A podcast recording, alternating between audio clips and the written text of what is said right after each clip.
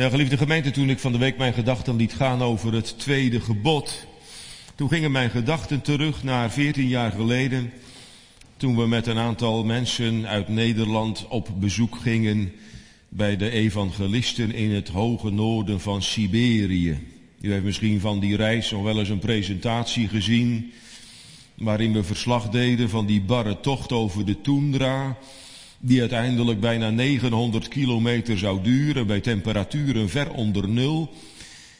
Een tocht die ons op een aantal momenten bracht in nederzettingen, in wat je dan noemt de middle of nowhere, midden in de sneeuw, midden in het ijs. Mensen die daar in een tent wonen, omringd door alleen maar hun eigen kudde rendieren.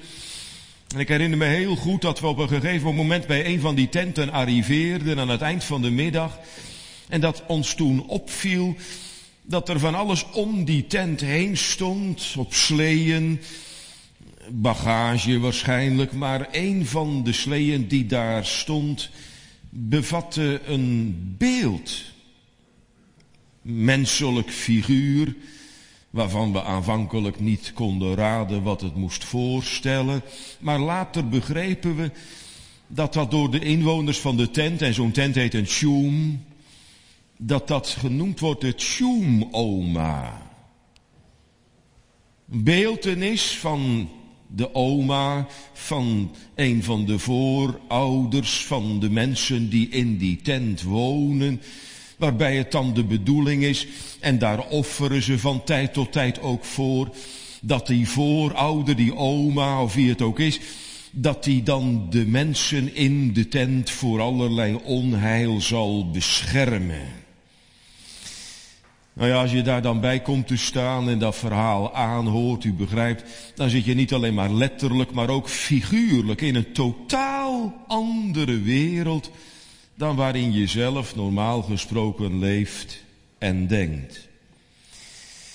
Wereld waarbij je dan eigenlijk wel kunt voorstellen dat het tweede gebod van belang is. Als zulke mensen dan tot het geloof komen, nou dan zeg je dan is het voor die mensen heel goed dat ze weten dat God gezegd heeft, gij zult u geen gesneden beeld maken. Maar de vraag is, wat heeft ons dat vandaag in Dordrecht te zeggen? U heeft geen oma, geen uitgehouwen beeld in de achtertuin staan. U heeft ook nooit de neiging gehad om zulke dingen te gaan maken. Laat staan om daar dan verwachting van te hebben. Maar als we nou eens het woord gesneden beeld uit het tweede gebod vervangen door het woord godsbeeld. Hoe zit het met je godsbeeld? En is dat beeld wat je van God hebt, al is het dan niet in de tuin, maar het is in je gedachten, is dat afgestemd op wat God in zijn woord over zichzelf zegt? Dat is een, een lijn die je toch wel hopelijk tot ons geestelijk nut vanmiddag in de prediking over het tweede gebod kunt trekken. En er komt trouwens nog een andere lijn bij ook. En daar heeft het voorlezen van dat psalmvers dat we straks gaan zingen ook al een aanwijzing voor gegeven. Je kunt bij dit gebod ook vragen, wat voor beeld geven wij van God aan de mensen, waartussen wij ons morgen weer gaan begeven als het gewone leven weer van start gaat. Gemeente, we gaan er samen luisterend naar schrift en beleidenis opletten. En we schrijven als thema boven de prediking het beeld van God. Drie gedachten. We letten op het gebod van de Vader. We letten op het geheim van de Zoon. We letten op het geschenk van de Geest. Het beeld van God. Gebod van de Vader Geheim van de Zoon, geschenk van de Geest.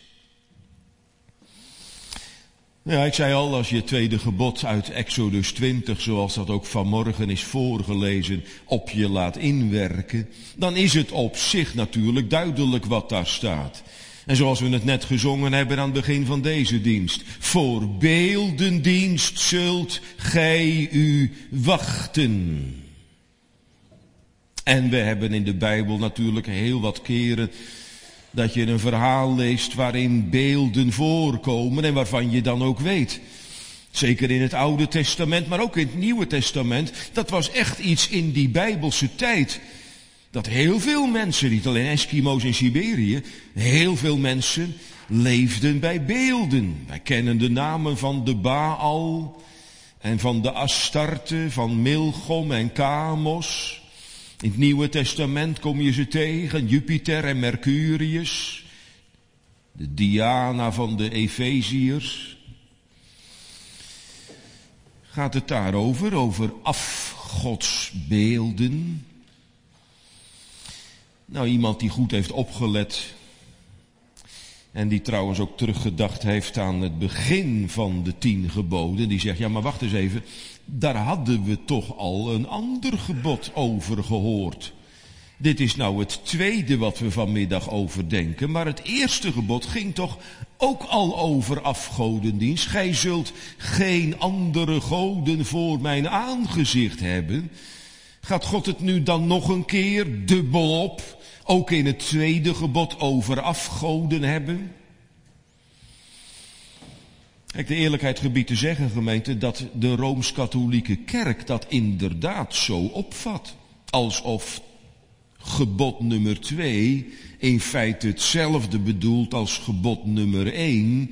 Dus als er een verbod is op beeldendienst, dan gaat dat alleen maar over afgodsbeelden. En daarmee kan Rome de praktijk goed praten. Dat ze in hun kerken heiligen beelden hebben en beelden van Maria. Want dat zijn natuurlijk geen afgoden. Dat zijn juist mensen die God gediend hebben. En het beelden, het uitbeelden van die mensen helpt ons bij het beleiden van onze godsdienst. Zo is de gedachte.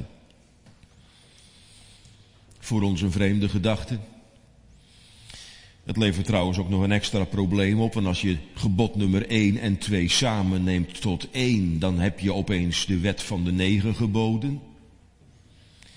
Dan moet je een kunstgreep uithalen door gebod nummer 10 in tweeën te knippen. Op een volstrekt willekeurige manier, want dan wordt nummer 9 Gij zult niet begeren naast een huis. En dan wordt nummer 10. Gij zult niet begeren naast een vrouw en zijn os en zijn ezel. Dat is willekeurig. Maar de catechismus gaat deze kant dus niet op, gemeente. Die behandelt het eerste en het tweede gebod helemaal apart. Het gaat ook niet over hetzelfde eerste ging inderdaad over afgodendienst. Iemand anders tot je God hebben dan de God van Israël. Maar het tweede gebod, gemeente, dat gaat om het even met een mooie term te zeggen. Over de praktijk van de eigenwillige godsdienst. Misschien nog wel de God van Israël willen dienen, maar dan op een manier waarvan God zelf heeft gezegd, zo wil ik het dus niet.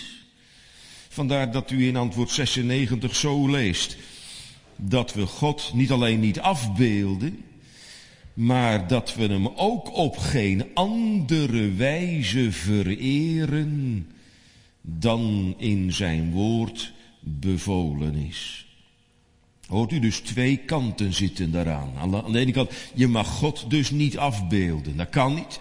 Ik zei net, als je Psalm 104 alleen al leest, dan snap je ook waarom dat niet kan. Wie kan de God van Psalm 104 op een adequate manier uitbeelden? Dat lukt geen kunstenaar.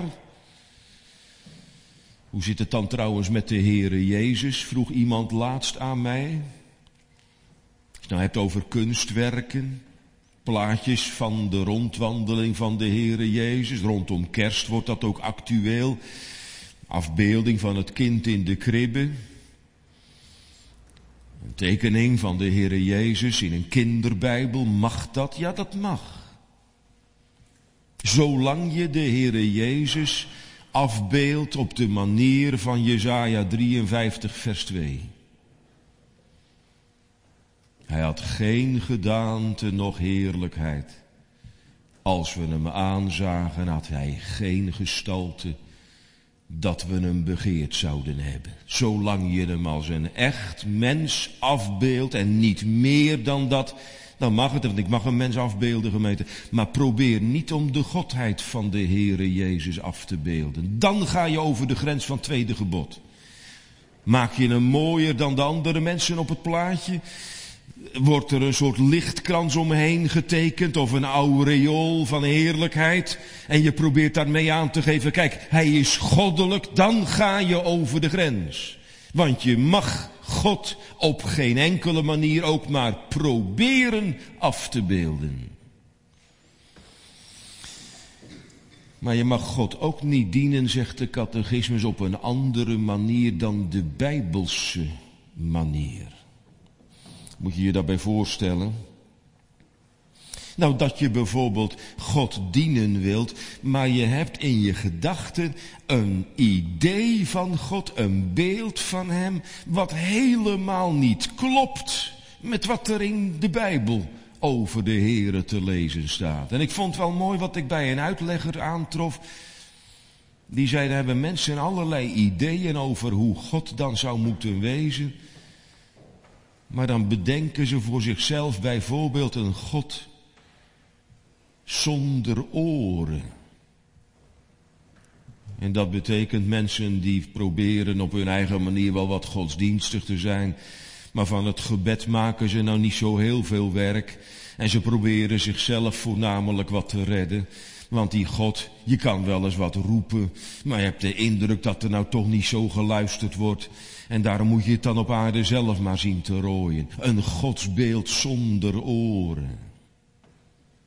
Andere mensen hebben een godsbeeld waar de ogen missen.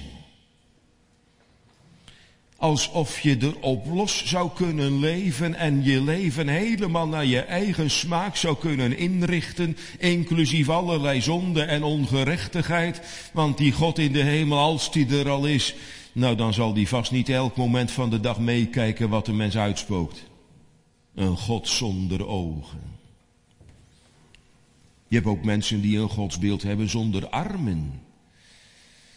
Een machteloze God, die wel zit toe te kijken wat wij op aarde van de wereld aan het maken zijn, maar die kennelijk niet in staat is om in te grijpen in geval van nood. Je hebt ook kerkgangers die een beeld van God hebben dat lijkt op dat beeld dat ergens in het centrum van Rotterdam staat als een herinnering aan het bombardement van 1940. Kent u het beeld van Zatkine?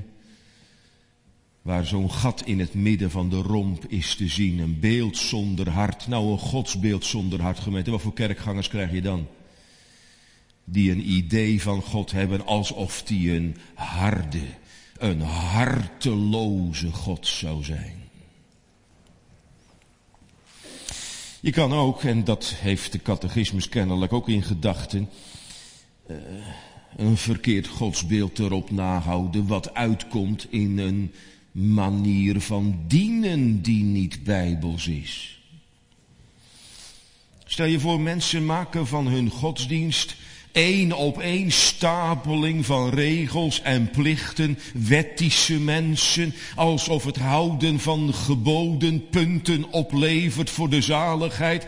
Een gedachte waarvan je moet zeggen, dat is nooit of te nimmer de bedoeling van de Bijbel geweest. Ook niet in het Oude Testament, ook niet in Exodus 20. God heeft nooit beoogd dat er wettische mensen op aarde zouden rondlopen.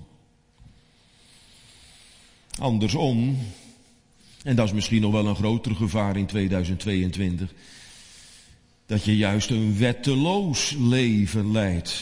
En als er dan nog gevraagd wordt, is God er dan niet en wat heeft God je dan te zeggen? Dat mensen dan die bekende tekst aanhalen, ja maar God is toch liefde? En ze bedoelen eigenlijk, hij is toch lief? Hij vindt toch alles goed? Hij haait je over je bol als een soort grote Sinterklaas. En hij zal je nooit hard vallen over je gedrag. Ga gerust je gang, want God is toch liefde. Of wat denkt u van het willekeurig dienen van God? Net op de manier en op het moment die je uitkomt. Zondag zit je natuurlijk wel in de kerk. Of luister je de preek mee via de laptop.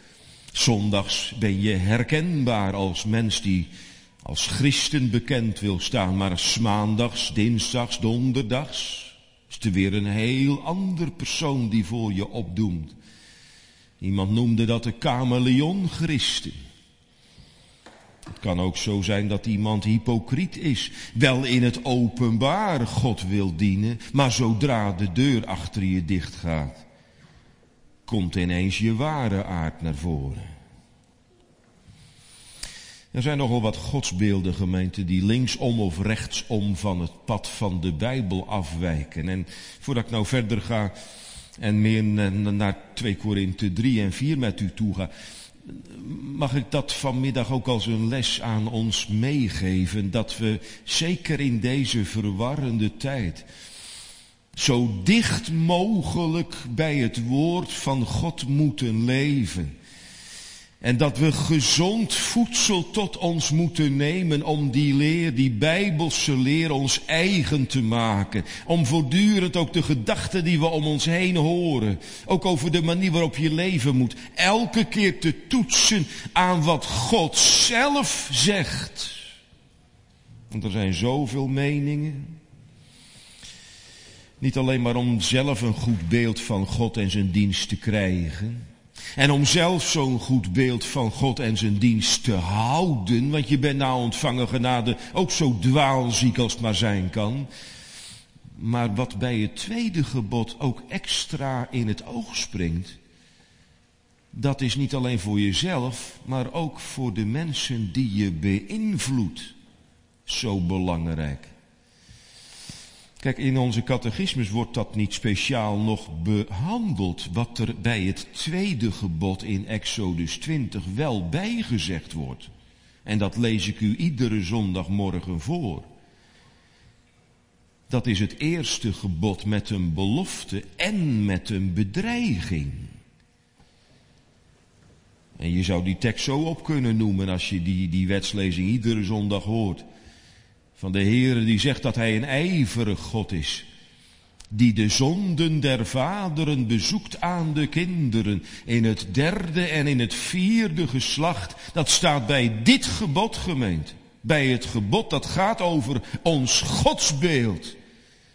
Welk godsbeeld draag je over aan je kinderen? Daarin wil de Heere juist duizenden dergenen die hem liefhebben en zijn geboden onderhouden, zegenen en barmhartig zijn. Opvoeding dicht bij het woord, gemeente. Wordt gezegend, dat is een pleitgrond waar je je vinger als vader en moeder bij mag leggen. Maar het is ook een gedachte waar je jezelf iedere keer aan moet toetsen. Datgene wat ik mijn kinderen doorgeef. Wie is de Heere? Hoe is de Heere? Wat wil de Heere? Dat is zo belangrijk. Want een onjuist godsbeeld is funest in je opvoeding. Nou gemeente, dat even ter inleiding eigenlijk. Het eerste punt, als het gaat over het gebod van de Vader, dan is het hopelijk voor ons allemaal weer even duidelijk. Wat is nou eigenlijk de zin en de mening van dat tweede gebod van de tien? Verbod op, waarschuwing voor, eigenwillige godsdienst, eigenwijze gedachten over hoe God is en hoe je God zou moeten dienen. En duidelijk dat je daar dus voor jezelf en voor het nageslacht heel nauwlettend mee moet omgaan. Ik dacht nog, ik heb het ook in mijn schets geschreven, dat is met name een waarschuwing voor vaders. We hadden het over het gebod van de vader. Maar aangezien God zich op die manier in zijn woord voorstelt, en je ook door je opvoeding een beeld geeft van wat is dat dan vader zijn? Snapt u wel dat juist als vaders ontsporen, op wat voor manier dan ook. Als vaders een voorbeeld geven, een houding aannemen die in de verste verte niet lijkt op hoe God met zijn kinderen omgaat. Wat voor schade je dan in lengte van jaren kunt verwachten. Dus waar ons voor gewaarschuwd wordt, dat is nou hopelijk wel zo'n beetje duidelijk gemeend. En dan draaien we de zaak om. Als God zegt, voor beeldendienst zult gij u wachten. Zo niet. Maar wat beoogt dat tweede gebod dan wel? Eerlijk gezegd kun je voor het antwoord op die vraag niet zo goed in de catechismus terecht. Geen kritiekpunt, want ik snap best hoe dat gekomen is. Waarom de catechismus met name ingaat op dat verbod en wat er dan niet mag en waar je voor moet uitkijken. Dat komt natuurlijk omdat die in 1563 is geschreven omdat men toen aan de frontlinie stond tegenover de Rooms-Katholieke Kerk. Met zijn beelden, met zijn heiligen, met zijn boeken der leken. Alsof mensen die dan zelf niet kunnen lezen en schrijven, met de beelden in de kerk een stap verder zouden komen. Daarom dat de catechismus daar in zondag 35 heel nadrukkelijk op ingaat, gemeente. Maar nou eens even die andere kant, want ieder gebod heeft een dubbele uitwerking. Wat er niet mag en wat nou juist wel moet. Wat is nou wel de manier? De bijbelse manier. Om God te dienen zoals Hij het wil. Nou, de eerste goede raad heb ik u eigenlijk al gegeven. Lees je Bijbel. Lees hem goed. Vanmorgen hoorden we nog. Lees hem nauwkeurig. Lees hem in de eerste versnelling. Lees hem niet te snel. Lees niet over dingen heen. Herkou als de reine dieren, zeiden ze vroeger. Datgene wat je uit dat woord wordt aangereikt. Bid er nog eens over. Mediteer over wat je gelezen hebt. Lees daarom ook soms niet te lange stukken. Soms kun je aan één tekst genoeg hebben als een dagtekst die heel de dag met je meegaat. Maar blijf bij dat woord. Want in dat woord openbaart God zich aan de mensen. U weet hoe dat in de tijd van Mozes is gegaan. Waar God zich geopenbaard heeft toen Mozes vroeg, Heere, toon mij nu uw heerlijkheid. En God zei, Mozes, dat zal niet gaan, want dat zal niet goed komen. Daar ben ik te heilig voor en daar ben jij te nietig voor. Maar dan zal ik je wel een tipje van de sluier oplichten. Als de Heere dan langs de rots gaat waar Mozes neergezet wordt en het achterste deel laat onthullen, iets van zijn heerlijkheid gaat tonen, maar vooral bij het passeren van de rotspleet zijn naam gaat uitroepen. Ik hoop er volgende week nog op terug te komen. En dan allerlei dingen van zichzelf gaat vertellen. Waar een mens een geestelijke winst mee kan doen. God, barmhartig en genadig, langmoedig, groot van goedertierenheid. En later hoor je de echo daarvan in zo'n psalm 103. Barmhartig en genadig is de Heere. Schoon zwaar getergd, langmoedig en genadig. De Heere is groot van goedertierenheid. Alleen, u hebt natuurlijk gelijk als u zegt, dominee, ik ken best veel mensen die de Bijbel dan nog wel lezen. En trouwens niet alleen maar christenen doen dat. Je hebt ook andere mensen die uit interesse eh, de Bijbel eens pakken en bepaalde dingen toch willen weten. Eh, laten we het eens over het volk van Israël hebben. Die lezen in ieder geval de eerste helft van de Bijbel. En die lezen ze misschien nog wel trouwer en nauwkeuriger dan wij soms de Bijbel lezen. En ze hebben toch een verkeerd beeld van de dingen. Heeft u niet gehoord in 2 Korinthe 3 hoe dat komt, gemeente? Hoe dat kan? Dat je wel heel dicht bij de tekst blijft, maar dat je toch een verkeerd beeld van God en van de dienst van God overhoudt. Dat kan dus, dat je er zo dicht op zit. Maar hoe komt dat Paulus zegt, dat kan ik alleen maar verklaren. Door wat hij in vers 14 noemt, het lezen onder een deksel. Vers 15, als Mozes gelezen wordt, dan ligt tot op de huidige dag een deksel op het hart van de Joden zodat ze niet goed zien en ook niet begrijpen waar het nou over gaat. Als in het Oude Testament wordt gezegd dat God gediend wil worden, dat hij daarvoor een Messias zal sturen, dat er vergeving der zonde door het werk van een ander nodig is, de man van smarten. Ze lezen het, maar ze begrijpen het niet. Trouwens, zo kun je als kerkganger ook de Bijbel lezen. Lezen met geestelijke oogkleppen op. Je kan honderd jaar iedere dag je Bijbel lezen. Maar als het deksel op je ogen ligt, kom je geen stap verder. Wie is de enige die je deksel weg kan nemen? Zij 2 Korinthe 3 er ook bij. Dan moet je te raden gaan bij een hogere instantie dan wat de mensen te bieden hebben. Zoals het trouwens altijd is, niet waar, ook in crisistijd. Hogere instantie dan wat mensen te bieden hebben, dan moet bij de geest van God zelf zijn. Die geest die levend maakt, die geest die verlichte ogen van het verstand kan geven. Die geest die het je laat dagen. Het licht dat opgaat over de schrift. En ik zie ineens waar de schrift op doelt.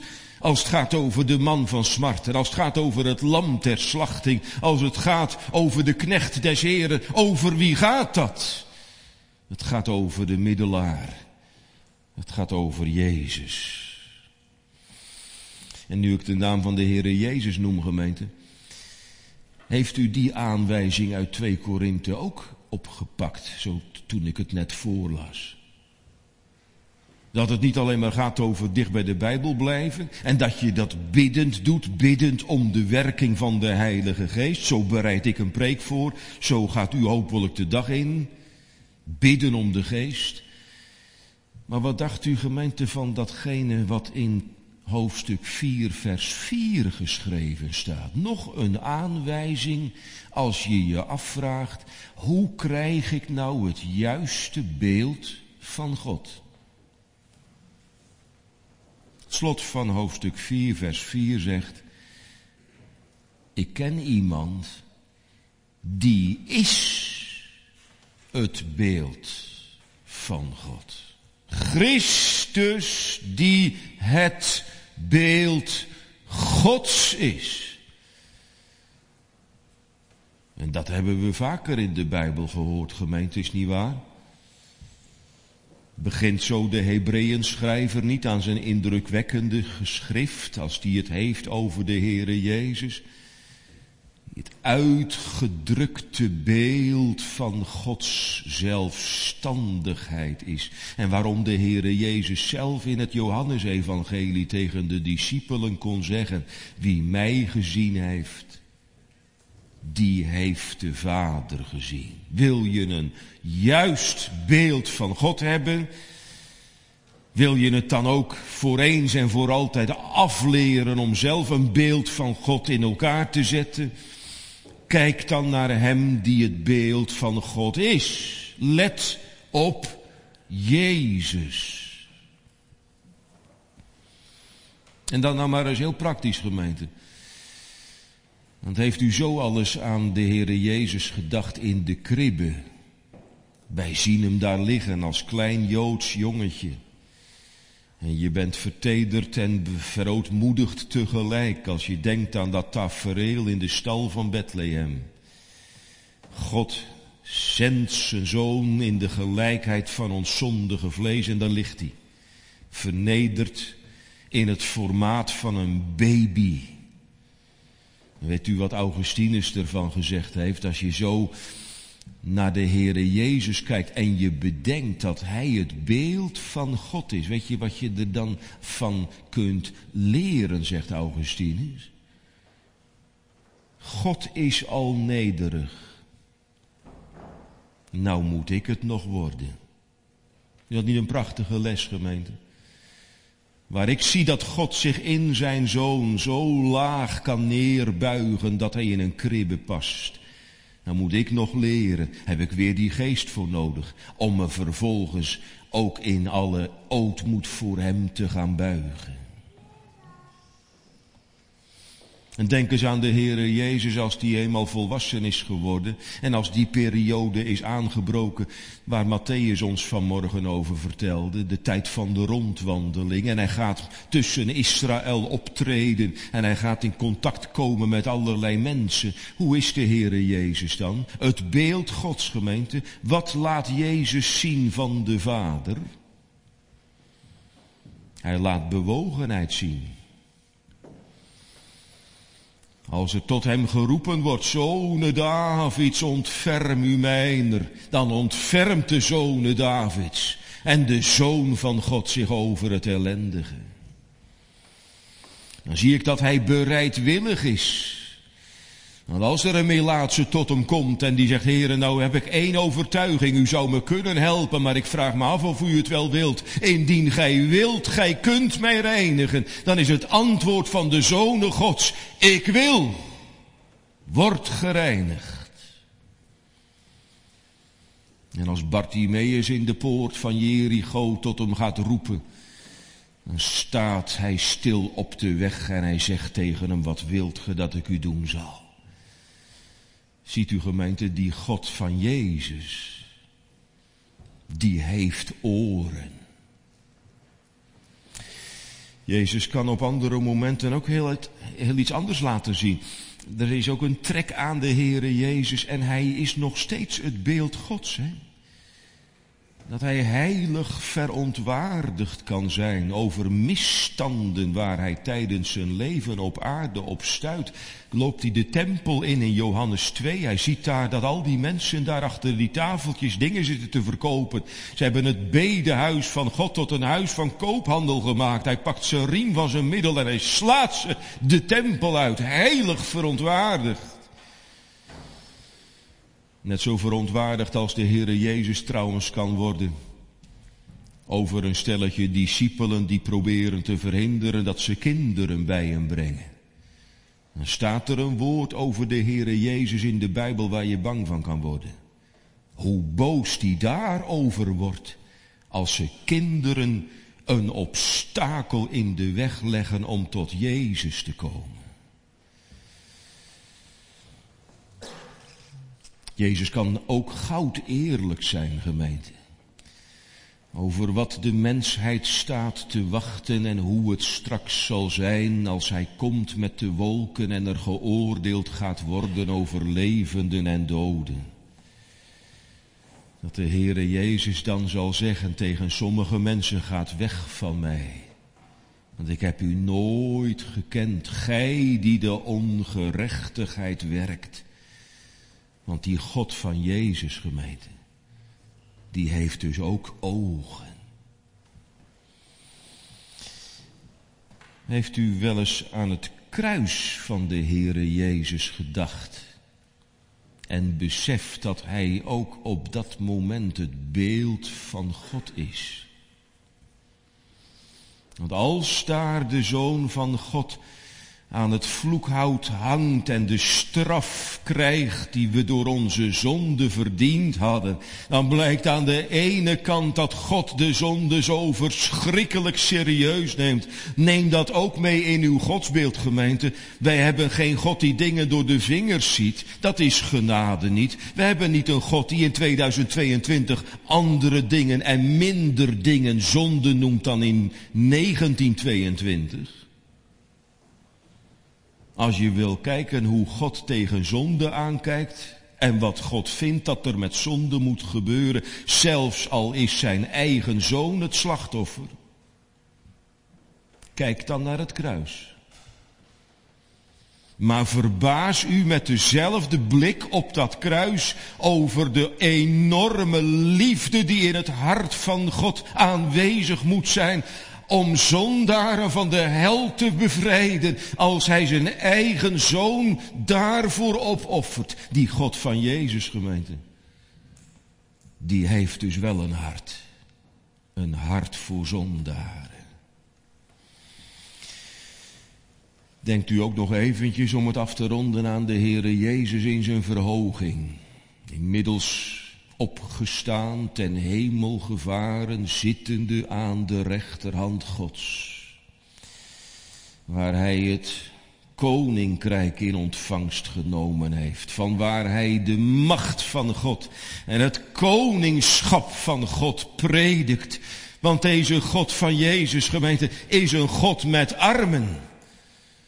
Een verschrikkelijke gedachte voor mensen die de vijand van deze God zijn maar een vertroostende gedachte voor allen die zich aan hem leren toevertrouwen. Psalm 118. Die krachtige rechterhand van God doet door haar daan de wereld beven. Houdt tegelijk door haar kracht Gods volk in stand. Begrijpt u gemeente waarom het ook in onze gemeente zo nodig is en altijd weer gebeuren mag dat Christus in de prediking centraal staat?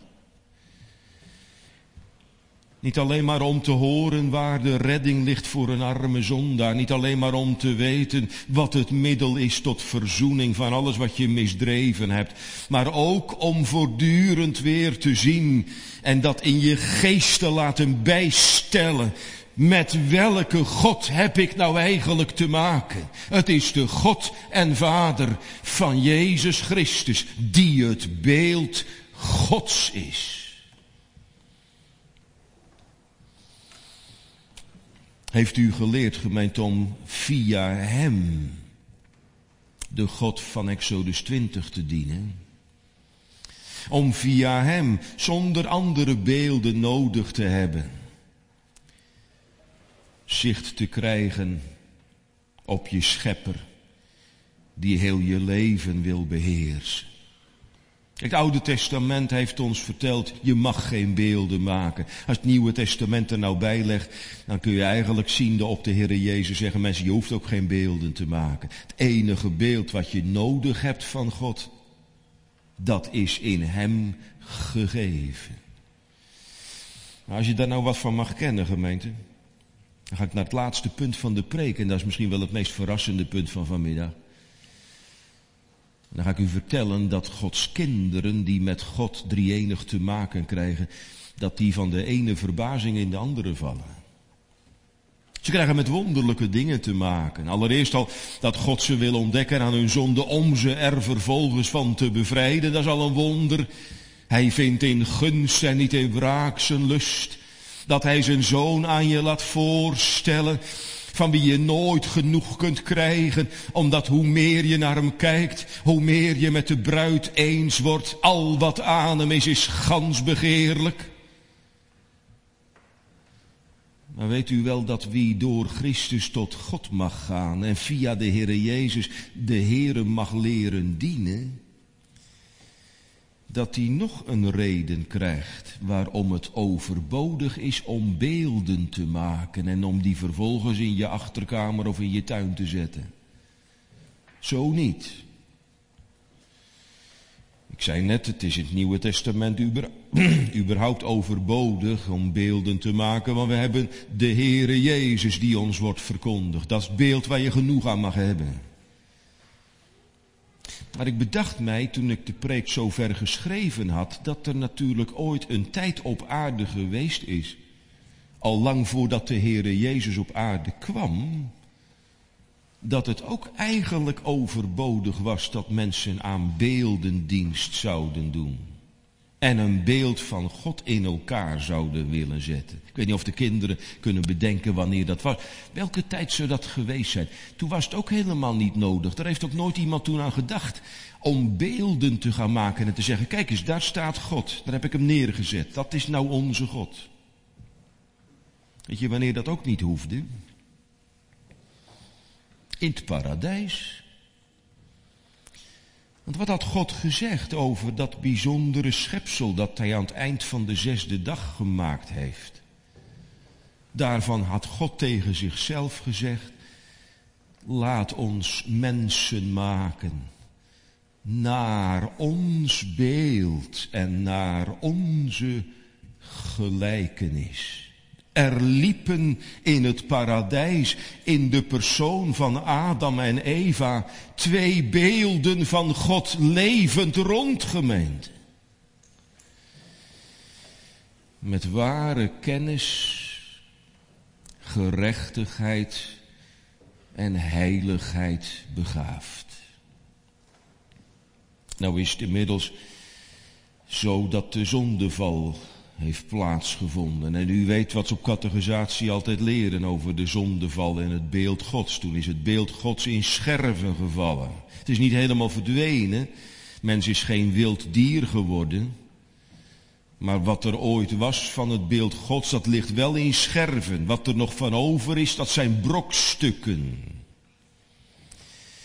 En dat merk je onder andere aan al die beelden die er in de loop van de eeuwen in de wereld neergezet zijn. Nog wel ergens een idee. Er moet een God zijn, maar vervolgens je eigen beeld maken om daar je voor te gaan buigen. De mens die door God naar zijn beeld gemaakt was, maakt nu goden naar zijn eigen beeld. Daarom lijken zoveel afgoden ook op mensen. Ik maak een God naar mijn beeld en gelijkenis. Nou, ik zei, als je nou genade mag leren kennen, gebeurt er een wonder. Ja, dan gebeuren er verschillende wonderen. Verbazingwekkend. Je krijgt allereerst vergeving van zonde van de Heer Jezus. En dan krijg je er nog een tweede geschenk bij. Geschenk van de geest. Die nog iets heel bijzonders in petto heeft voor mensen die zich met hun hart aan Christus hebben leren toevertrouwen. Kijk eens gemeente naar het laatste vers van 2 Korinthe 3. Wat zegt Paulus over de mensen van de nieuwe bedeling? Onder andere wonen ze in Korinthe, maar dat geldt voor alle kinderen van God, waar dan ook en hoe dan ook. Wat gebeurt er met die mensen in de loop van het leven dat God hen geeft, in het loop van die bekering, die heiligmaking, die ze de rest van hun leven mogen kennen? Wij worden, zegt Paulus, naar hetzelfde beeld in gedaante veranderd van heerlijkheid tot heerlijkheid als van des Heeren geest. Het is weer die geest die het doet, die het uit Christus neemt en het mij verkondigt. Maar wat gaat hij doen? Hij gaat dat beeld wat in scherven lag, weer aan elkaar lijmen. Hij gaat dat beeld dat stuk gegaan was weer herstellen. En het is wel op een hele mooie manier dat Paulus aan het begin van dat derde hoofdstuk zei wat hij daarmee bedoelt. Want dat heeft dat, dat, daar heeft dat mee te maken, gemeente. Wat hij in het begin schrijft over brieven, heeft u dat ook gelezen net? Wat zijn die Corinthiërs als het goed is voor de mensen die ook in Korinthe wonen? Ze zijn als het ware brieven die je in je hand kunt nemen. Als je het leven van zo'n Corinthiër, van zo'n gelovig gemeentelid in je hand neemt om het te gaan lezen, dan lees je dat is nou een brief die afkomstig is van de Heere Jezus zelf. Niet met inkt geschreven, maar door de geest. En als een ander je leven leest, dan ontmoet hij Jezus. Nou, vond u het ook verrassend, gemeente? Je, je, hebt toch nogal wat toepassingen die je dan kunt maken als je doordenkt over zo'n gebod uit die oude wet van God. Maar u weet dat de dichter van Psalm 119 al gezegd heeft. Ik heb aan alle volmaaktheid een einde gezien, maar uw gebod is zeer wijd. Alleen bedenkt u er wel bij dat heel veel van die dingen die we vanmiddag samen ontdekt hebben, wat er allemaal bij komt kijken om het tweede gebod te leren, om dat ook vol te houden, om daar dan zelf ook nog een beelddrager van God mee te worden. Omdat je de Bijbel leest, omdat je de geest mag afsmeken, omdat je bij de Heere Jezus je toevlucht hebt gezocht en omdat je in je leven op de Heere Jezus gaat lijken. Wat denkt u? Al die dingen, dat hele geestelijke leven van de heiligmaking, van het op Jezus leren lijken. U zegt, ja, maar het is werk van de Heilige Geest, dominee, dus dat komt wel goed, toch? Die Heilige Geest kan desnoods in één seconde doen wat een mens nooit kan doen. Ja, daar heb je ook weer gelijk in. Maar die Heilige Geest neemt daar bij de meeste kinderen van God die ik ontmoet heb in mijn leven, neemt hij daar jaren de tijd voor. Soms wel 60 jaar. En er moet ook nog al wat gebeuren. Zelfs al werkt de geest er zelf in. Maar denk er niet gering over, gemeente, wat er nodig is voor een kind, een verloren kind van Adam, met een beeld van God wat aan scherven ligt, voordat die gereed is om in de hemel te gaan wonen.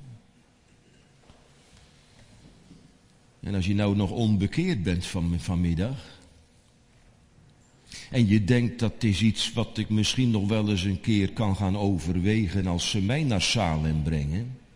Of als ik in Dortwijk een afspraak met de dokter heb en als ik het gevoel heb, nou loopt het misschien wel op een eind en nou komt het er misschien op aan. En zal ik er nog eens over nadenken, over wat die dominee toen heeft gezegd.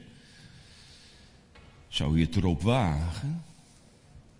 Zou je het erop wagen? Op de nipperzalig? Zou je God ermee onder ogen durven komen? Met hoe je dan omgesprongen bent met je genadetijd en met de godsdienst? Hoeveel schade zou je trouwens intussen aangericht kunnen hebben in het leven van jezelf en in het leven van je kinderen? Als je al die jaren die de geest zou kunnen gebruiken, voorbij laat gaan en er een verkeerd godsbeeld op na blijft houden. Ligt het anders met u? Bent u misschien iemand die al vanmiddag naar de kerk bent gekomen, juist op zoek naar de God van het tweede gebod, maar twijfelend als je op jezelf ziet en als je juist kijkt wat er allemaal al niet aan scherven ligt en hoeveel misverstanden er al niet opgeruimd zouden moeten worden. En je zegt, oh God, zou er nou voor zo een ook nog ruimte bij u zijn en zou er nog doen aan zijn voor zo'n mislukt leven? Denk dan nog even terug aan wat ik u in het tweede punt van de preek over de Heere Jezus heb verteld toen die op aarde rondging. Bent u kreupel? Bent u blind? Bent u doof? Bent u melaats? Bent u dood in de zonden en de misdaden? Kijk naar wat de Zoon van God ermee doet. Hoe die zulken kan ontvangen en genezen. Hoe die doden opwekt uit de doodslaap. Ben je door genade iemand die inmiddels weet wat heiligmaking is? Dan bevat voor de kinderen van God in Dordrecht de preek over het tweede gebod huiswerk. Namelijk zie ook voor uw heiligmaking elke dag op Christus. Zie op zijn nederigheid. Zie op zijn bewogenheid. Op zijn bereidwilligheid in zijn omgang met andere mensen. Neem ook een voorbeeld aan zijn heilige verontwaardiging. Ik zeg heilige verontwaardiging. Wees ook zo eerlijk als de Heere Jezus als u met andere mensen spreekt over de toekomst. Waar gaat het allemaal heen? En heb ook een afkeer van de zonde, net als de Heere Jezus. Liefde tot zondaren, haat tegen de zonde.